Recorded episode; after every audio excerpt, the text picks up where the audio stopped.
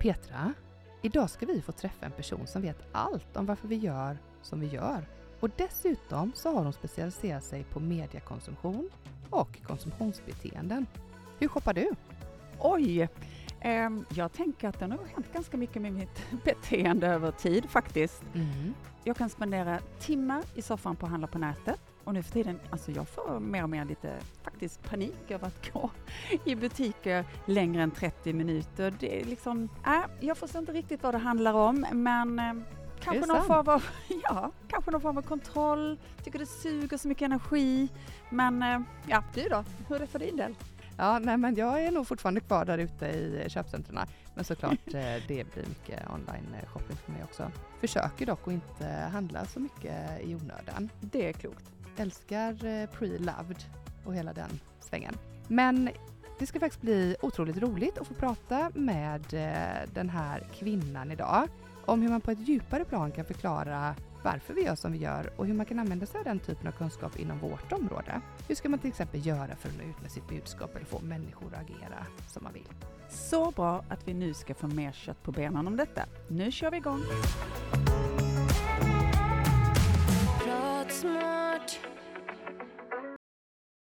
Hon är doktor i antropologi, programledare, författare och expert inom mediekonsumtion och konsumtionskultur. Och hon vet allt om hur vi människor egentligen beter oss och varför vi gör som vi gör och kanske inte alltid som vi säger. Som expert på ungas konsumtionsvanor syns hon flitigt i debatten och har myntat begreppet generation Bianca som en motvikt till generation Greta. Hon vet vilka drivkrafter som ligger bakom skillnaden mellan olika generationer och hon vet också hur man ska nå fram och vad som funkar för att påverka folks beteende. Jag heter Moa Och jag heter Petra. och med oss i Pratsmart idag har vi ingen mindre än Katarina Graffman. Välkommen till vår podd. Tack. Så roligt att ha dig här! Du syns ju flitigt i olika forum och medier, men för de som inte har stenkoll på dig, berätta, vem är du? Mm. Jag fick en väldigt fin presentation och framförallt tyckte jag väldigt mycket om att du sa hon kan allt om människors beteenden.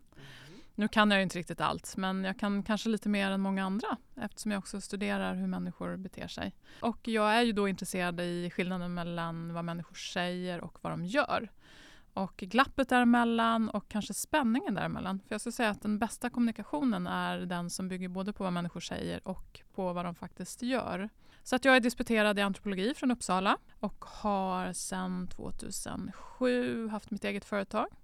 Jobbar med alla typer av företag och organisationer. Har eh, kanske ungefär 20% forskning hela tiden, vilket är spännande för då får jag ägna mig lite åt att djupgräva samtidigt som man ska göra snabba leveranser till företag. Så det är en perfekt mix Mm. för mig. Spännande! Verkligen. Och du är ju då doktor i eh, kulturantropologi. Berätta, varför blev det detta vägval i livet och vad gör man egentligen som antropolog? Mm. Jag eh, tänkte att jag skulle läsa ekonomi, att jag började med det. Och eh, för då kan man göra det, det mesta egentligen. Vi kan se ekonom på alla möjliga positioner i samhället. Så tänkte jag, ah, men det var så här, då jag visste inte riktigt vad jag skulle göra, så började jag läsa det och jag började tänkte att nej, man börjar med det tråkiga, så jag började med statistiken. Du behöver en viss, viss mängd statistik för att få kalla dig ekonom. Jag, började med det, för det var inte så kul. Och så läste jag det och så blev jag riktigt uttråkad. Så då tänkte jag nu måste jag göra någonting annat en termin för jag ska få lite studielust igen. Och satt och bläddrade i eh, katalogen för kurser i Uppsala. Och eh, då dök kulturantropologi upp och då tänkte jag ja, men det lät lite spännande. Så tänkte jag jag läser en termin antropologi. Och sen så började jag läsa och sen så var jag, fastnade jag helt. Jag var helt hooked och det förändrade hela min mitt sätt att se på världen, på människor, eh, känslan vad jag ville fortsätta att göra. Så sen blev det bara antropologi efter det. Så du sladdade egentligen in på ett litet bananskal? Det kan man verkligen säga att jag gjorde. Mm.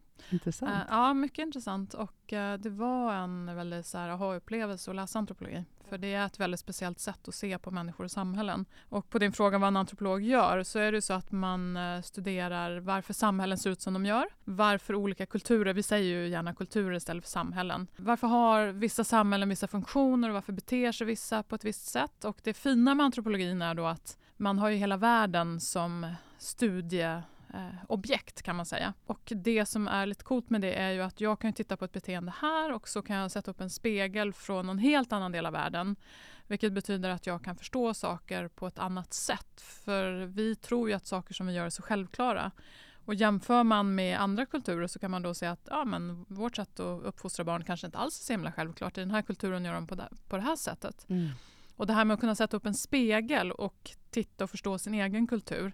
Det är nog nästan bara antropologin som gör det. Uh, så att, eh, och det är ett jättebra sätt att förstå människors beteende och liksom ifrågasätta allt det här som vi tar för givet. Var det något annat som fascinerade dig när du började gräva dig ner? Det som var som, som verkligen fick mig eh, fast var en kurs som heter släktskapssystem. Det låter ju ja, väldigt spännande. Men det var så häftigt att få lära sig hur olika släktskapssystem är uppbyggda i världen. Det finns ju olika typer av system. Och att bara förstå hur man ser på sin familj och släkt, hur det påverkar hela synen på människor i samverkan generellt sett i det samhället.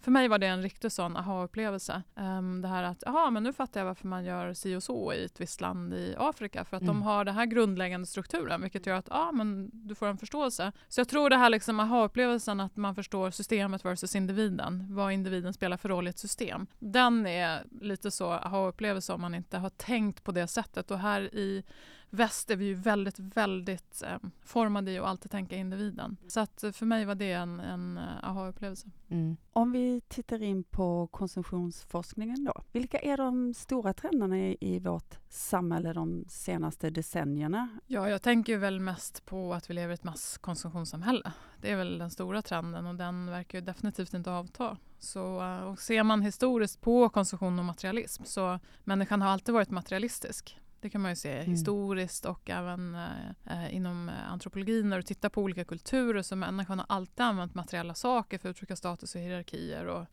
gåvoutbyten och så vidare. Så det, det är inget konstigt i sig. Men sen masskonsumtionssamhället exploderade väl efter andra världskriget och efter det så har vi inte direkt sett någon, eh, ja, att det skulle ske någon förändring trots mm. allt vi vet om att vi kanske inte borde konsumera som vi ska göra. Uh, och det är ju spännande i sig att vi fortsätter att konsumera så oerhört mycket i vissa delar av världen uh, fast vi vet att det är kanske inte det som ger happiness. Men är det också mycket drivet då i västvärlden av den här individualismen? Ja, det är det absolut. absolut. Mm. För det handlar ju hela tiden om att bygga sitt eget varumärke, sin egen identitet och även i sociala relationer så använder du varor för att kommunicera med de andra mm. i gruppen och sådär.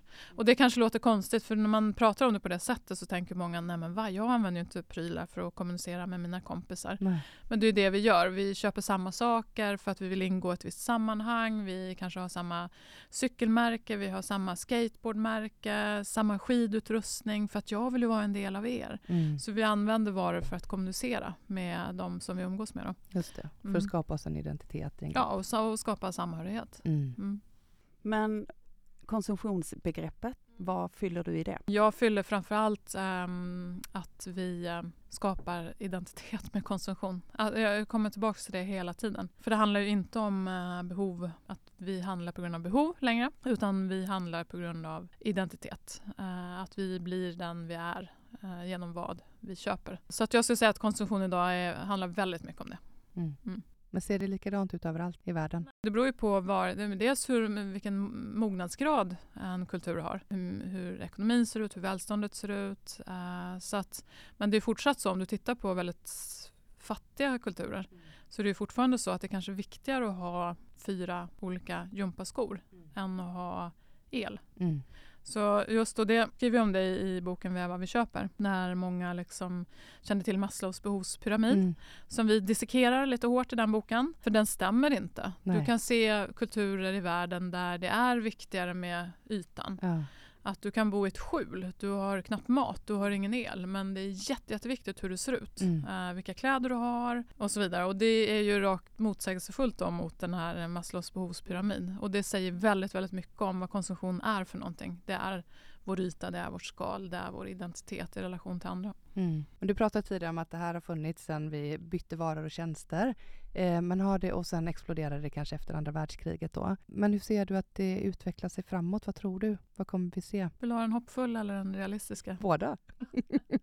Jag är mycket tveksam till att vår mängd konsumtion kommer minska Mm. hos en majoritet av människor. Vi har vetat väldigt länge, det är liksom inte bara de senaste åren utan vi börjar prata om hundra år snart Mm. som vi har liksom vetat förståelse för det, det här är inte hållbart. Mm. Och ändå så ändrar inte folk sig utan fortsätter att köpa. Säger ja och amen till att förändra beteenden i olika typer av attityd och värderingsstudier. Men fortsätter att köpa. Och det är just för att det är så otroligt tätt knutet till vilka vi är, Mm. vår identitet och våra sociala relationer. Eh, Så att det är någonting annat som måste till för att vi ska förändra oss. Det, det räcker verkligen inte med att höra att men nu lille vän får du nog sluta att konsumera så mycket. Mm. Det är inte bra för vare sig miljö eller klimatet. Det, det räcker inte. Nej. Men jag tänker att vi ska fortsätta den tråden alldeles strax. Men så skulle jag vilja djupdyka lite i mediekonsumtion. För att nå ut till målgrupp då, så behöver man ju förstå hur de tar till sig budskap och vad, vad de går igång på. Vad är viktigt för, för mottagaren? Ser man stora skillnader där idag mellan generationer och vad behöver man tänka på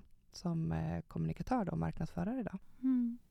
Ett, så tänker inte generation. Det här att man pratar om generationer det blir problematiskt i sig för det är så Mm. otroligt stora grupper. Mm. De flesta som jobbar med kommunikation och varumärken jobb, pratar om generationer eller Mm. målgrupper. Det är lite samma. Millennials, X och Y och alla... Ja, precis. Eller de här golden age och vad de Ja, alla visst. heter de här målgrupperna.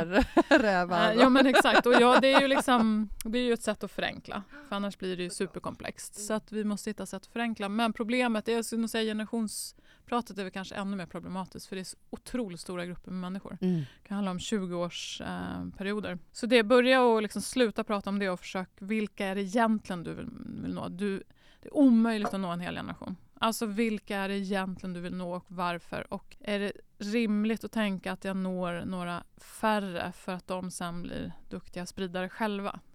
För om man då kan tänka lite så här att ja, men jag kanske vill nå den här gruppen, av vilka är typ fyrtorn eller ambassadörer i den här gruppen.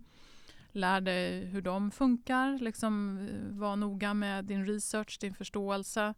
Um, och sen så förlita dig på på något sätt att de sprider själva. För det är väl lite så, skulle jag säga, kanske mer generaliserande hur det funkar. Att den här gruppen är duktig på att sprida mellan sig Mm. eh, det som de tycker är viktigt och eh, sånt som man vill föra vidare helt enkelt. Så det är ett annat sätt att förhålla sig. Ja, men väldigt intressant. Du pratar ju mycket om fyrtorn eh, och då är det en ledande figur inom en, en viss eh, gruppering.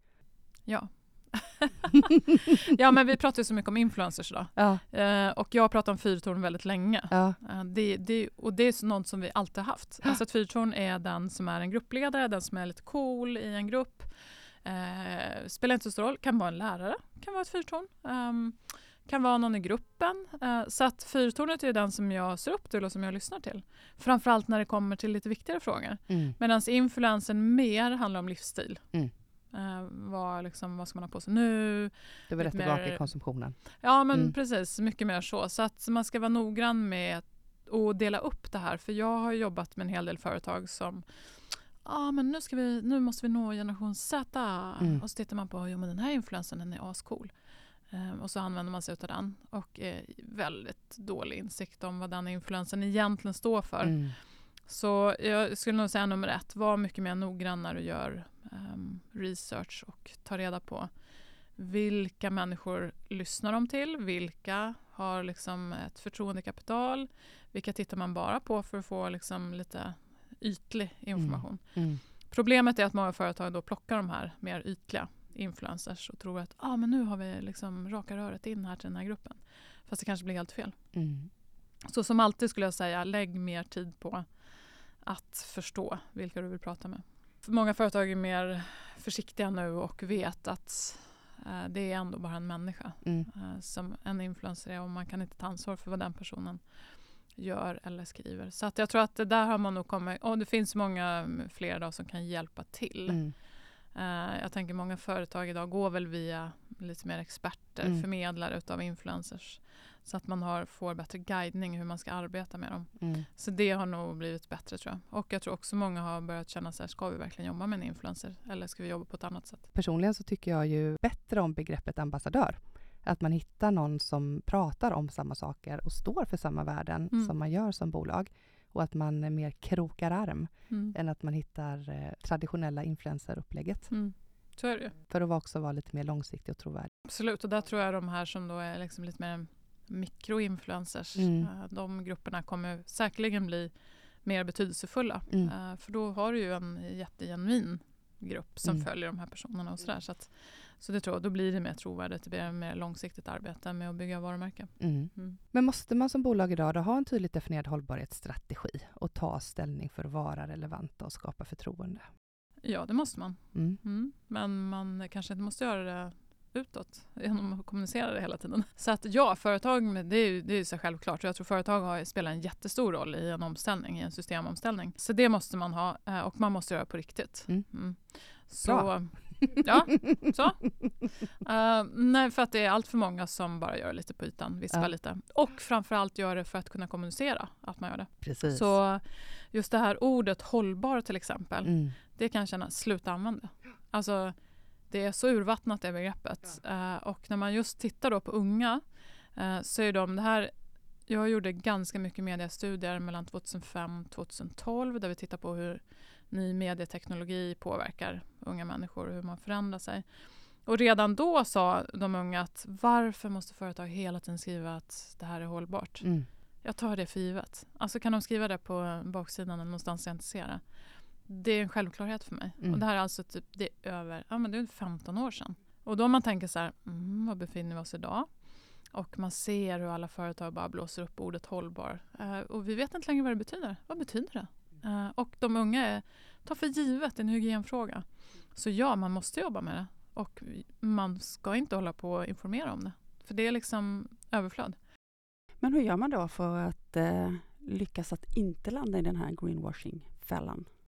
Ja, eh, jag tror att man... Eh, det, det, det är en jättestor fråga för vi lever i den tid vi gör och så länge företag tjänar pengar på att vi inte är hållbara eh, Mm. så kommer det inte att förändras. Så är det. Eh, och då tänker jag så här att ja, men om du är genuin och jobbar med hållbarhetsfrågor på ett riktigt sätt eh, Eh, så sprids ju det ändå. Du riskerar ju inte att hamna i någon typ av konsumentmaktsbubbla eh, liksom, där man avslöjar dig utan man jobbar genuint eh, och trovärdigt med den frågan och då ska man inte behöva heller hela tiden prata om det. För vi har, liksom kom, vi har förflyttat oss. De företag, modiga företag är ju faktiskt där. Vi, har redan, vi är redan där. Mm. Du behöver inte hålla på och informera om det hela tiden. De unga tar för givet att du tar ansvar. Så lyft andra värden. Alltså Mm. var, var, var, varför är ditt varumärke viktigt? Mm. Eller meningsskapande?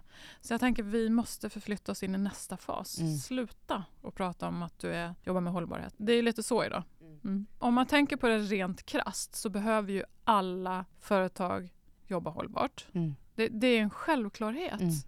Eh, och om man nu inte vill förändra hela konsumtionskulturen utan vill fortsätta, då är ju bara känslan är att men snälla ta oss genast in i den fasen Mm. där alla jobbar genuint med den frågan så kan ni börja koncentrera er på andra värden igen. Som ni gjorde innan hållbarhet blev någon typ av modefluga att alla ska prata om att nu håller jobbar vi också med hållbarhet. Eh, ja, men börja koncentrera på vad är det för andra värden som du står för. Eh, så jag tänker liksom att vi måste förflytta oss bort ifrån fokuset på hållbarhet för det är en självklarhet. Men vi ser ju ändå de här konsumtionshögtiderna som fortsätter. Samtidigt parallellt så har vi då också den här ja, men stolthet för återbruk och växer sig starkare, tycker jag mig kunna se i alla fall i många sammanhang. Och du pratar mycket om generation Greta versus generation Bianca.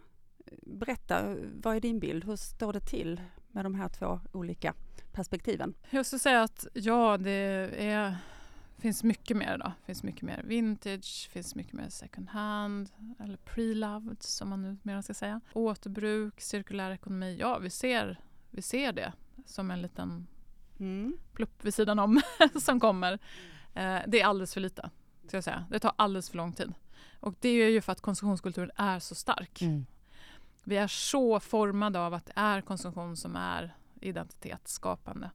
Eh, Så just det där med generation Greta och generation Bianca, det hänger också ihop med det här som vi var inne på förut, med Mm. att människor säger en viss sak men sen agerar på ett helt annat sak. Och det är väldigt lätt att säga att ja, jag bryr mig jättemycket om klimatet. Eh, Men sen springer jag ner på H&M och köper en ny klänning till helgen. Eh, Och tittar man då på, det finns ju olika studier som försöker liksom mäta hur många som förändrar sig. Så att Jag nämner ingen, de är liksom ganska osäkra för hur ska du veta det? Det liksom hänger också väldigt mycket ihop med vad människor själva uppger. Mm. Uh, men man brukar prata om någonstans 2-3% som ändrar sina liv rejält, som lever så hållbart man kan göra, som systemet tillåter, för det är inte helt lätt heller att göra det.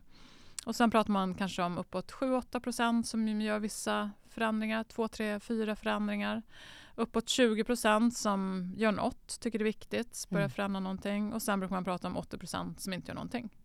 Vet vi någonting om vilka faktorer som är de avgörande för att ändå göra den här förflyttningen i beteende vad det gäller just den här typen av frågor? Jag tror att det hänger ihop med väldigt många olika saker. Dels ska du ha ekonomi. Det är dyrare att leva hållbart. Ofta är det mycket dyrare alternativ. Eh, Det ska finnas tillgängligt. Alltså, det är jättejobbigt för människor att leva hållbart för du ska leta upp butikerna, du ska leta upp varorna, du ska förstå är de hållbara eller inte? Mm. Alltså det, det är mycket jobbigare, det tar mycket mer tid, det är mycket mer ansträngande. Eh, Så det hänger också, det ska vara tillgängligt och det ska vara lätt att förstå. Ehm, och sen så handlar det jättemycket om eh, ja, men hur pass medveten du är såklart. Vad du, vad du har för liksom, värderingar i livet. Det påverkar ju jättemycket. Ehm, det som är intressant när man jobbar med eh, rena hållbarhetsföretag. Eh, jag jobbade med eh, märkningen Krav bland annat en period. Och de har ju ungefär, det är ungefär 28 brukar de också prata om. Och de sa oavsett vad vi gör, olika typer av kommunikationskampanjer eller olika typer av sätt att sprida, så når vi ändå bara de som redan är intresserade av Mm. oss. Och det är ju där den här 2080 uppdelningen är väldigt intressant. Ofta är det så om man får en grupp att förändra sig, då får man ofta med de som inte bryr sig, som inte Mm. orkar. För när du börjar se att alla andra börjar förändra sig och du också får tillgång till den typen av varor, eh, ja men då gör man det på automatik. Då, gör man, då är det de här som inte tänker som bara hänger med. Liksom.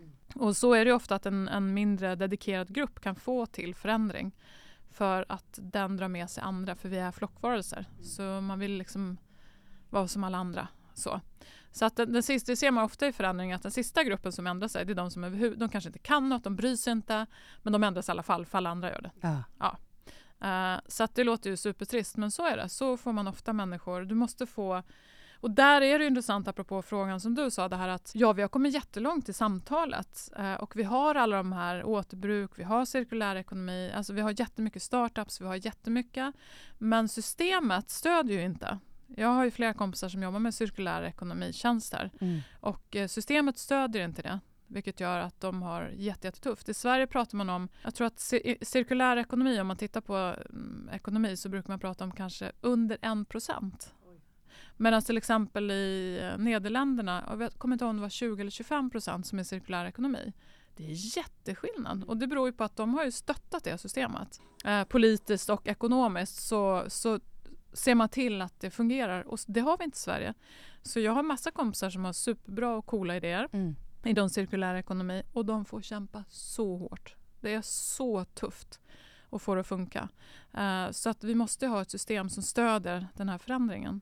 Ehm, men om man tittar på hur vi pratar, så bara de senaste tio, tio åren skulle jag säga, så har ju hur vi pratar om hållbarhetsfrågor är ju det är en jätte, jättestor skillnad. Idag kan du sitta på en after work, du kan sitta på en middag, snacka hållbarhetsfrågor. Mm. Det gjorde du inte för tio år sedan. Mm. Nej, nej, nej. Liksom, och då tänker jag att det är en jättestor förändring när folk börjar... Det blir en, en, en nästan vardagsdiskussion. Mm. Och det är ofta början till en stor förändring. Problemet är bara att den förändringen ta, kommer ta alldeles för lång tid. För säg att vi hade, om vi visste att vi hade, men vi, har, vi måste komma till rätta inom 100-150 år. Mm. Men nu har vi inte den marginalen. Då hade vi varit på jättegod väg, tror jag. För att vi håller verkligen på att förändra vårt medvetande. Men vi måste få till förändring mycket, mycket snabbare och det är det som är problemet. Vad ska till för att accelerera den här förändringen då? Uh, svar nummer ett är reglering, lagstiftning. Mm. Förändring utav systemet. Och det ser vi ju ganska mycket i EU nu. Vi har ju en ny typ av lagstiftning och det påverkar alla. Vilket gör att alla aktörer måste agera utifrån den lagstiftningen eller regleringen. Det är det snabbaste sättet att få till förändring. Och jag tror ju, alltså, eftersom jag har jobbat jättemycket med de här frågorna och det är så trögt att få människor att förändra sig. Det är små grupper hela tiden som förändrar sig. Eh, under pandemin till exempel, ja men det var en mindre grupp som eh, insåg att nej, fan, vi har flugit alldeles för mycket, vi måste dra ner på det. Det är ganska nice att vara hemma och ha semester. Ja men då var det en mindre grupp som förändrade vissa beteenden och så händer det något annat. Eh, kanske nu under lågkonjunkturen som vissa som drar ner på grund av sämre ekonomi och så inser de att men det funkar ju lika bra Mm. ändå. Så är det en liten, liten grupp som förändrar ytterligare lite mer. Men vi måste ju ha en, en mycket, mycket större grupp som gör förändring mycket snabbare. Och det är där problemet ligger, skulle jag säga. Vi har för kort tid, helt enkelt, för att vänta på människors naturliga beteendeförändring. Men man pratar ju också mycket om nudging i Mm. olika eh, sammanhang och kontexter. Ehm, och det har ju vuxit fram som ett verktyg att puffa människor eh, åt rätt håll. Vad tänker Mm. du kring det? Jag tänker att det är jätteroligt att vi pratar om det, för det har marknadsförare hållit på med i decennier. Eller hur? för att få oss att köpa saker som vi inte vill köpa. Det är exakt samma sak. Bara att nu pratar vi om nudging för att förändra mot något som då skulle vara bättre. Eh, så marknadsförare har hållit på med det i evigheter. Liksom, ja, men jag tänker när du har gått in eh, på Pressbyrån och du luktar bullar. Men det är ju nudging. Eh, så att, och det finns så mycket marknadsförare så duktiga på att få oss att köpa saker. Så därför tycker jag att det är lite roligt att man inte bara har plockat verktygen från marknadsförarna och Mm. jobbar med att förändra till någonting mer positivt. Och nu har det blivit världens grej.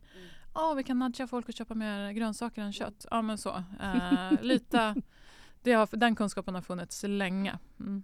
Är det någonting ytterligare du vill tillägga för att den, det kommunikationsteamet som sitter här och nu och har en, har en ganska bred målgrupp framför sig, vad, hur ska de tänka? Det beror ju på vad det är för produkt, vad det är för företag.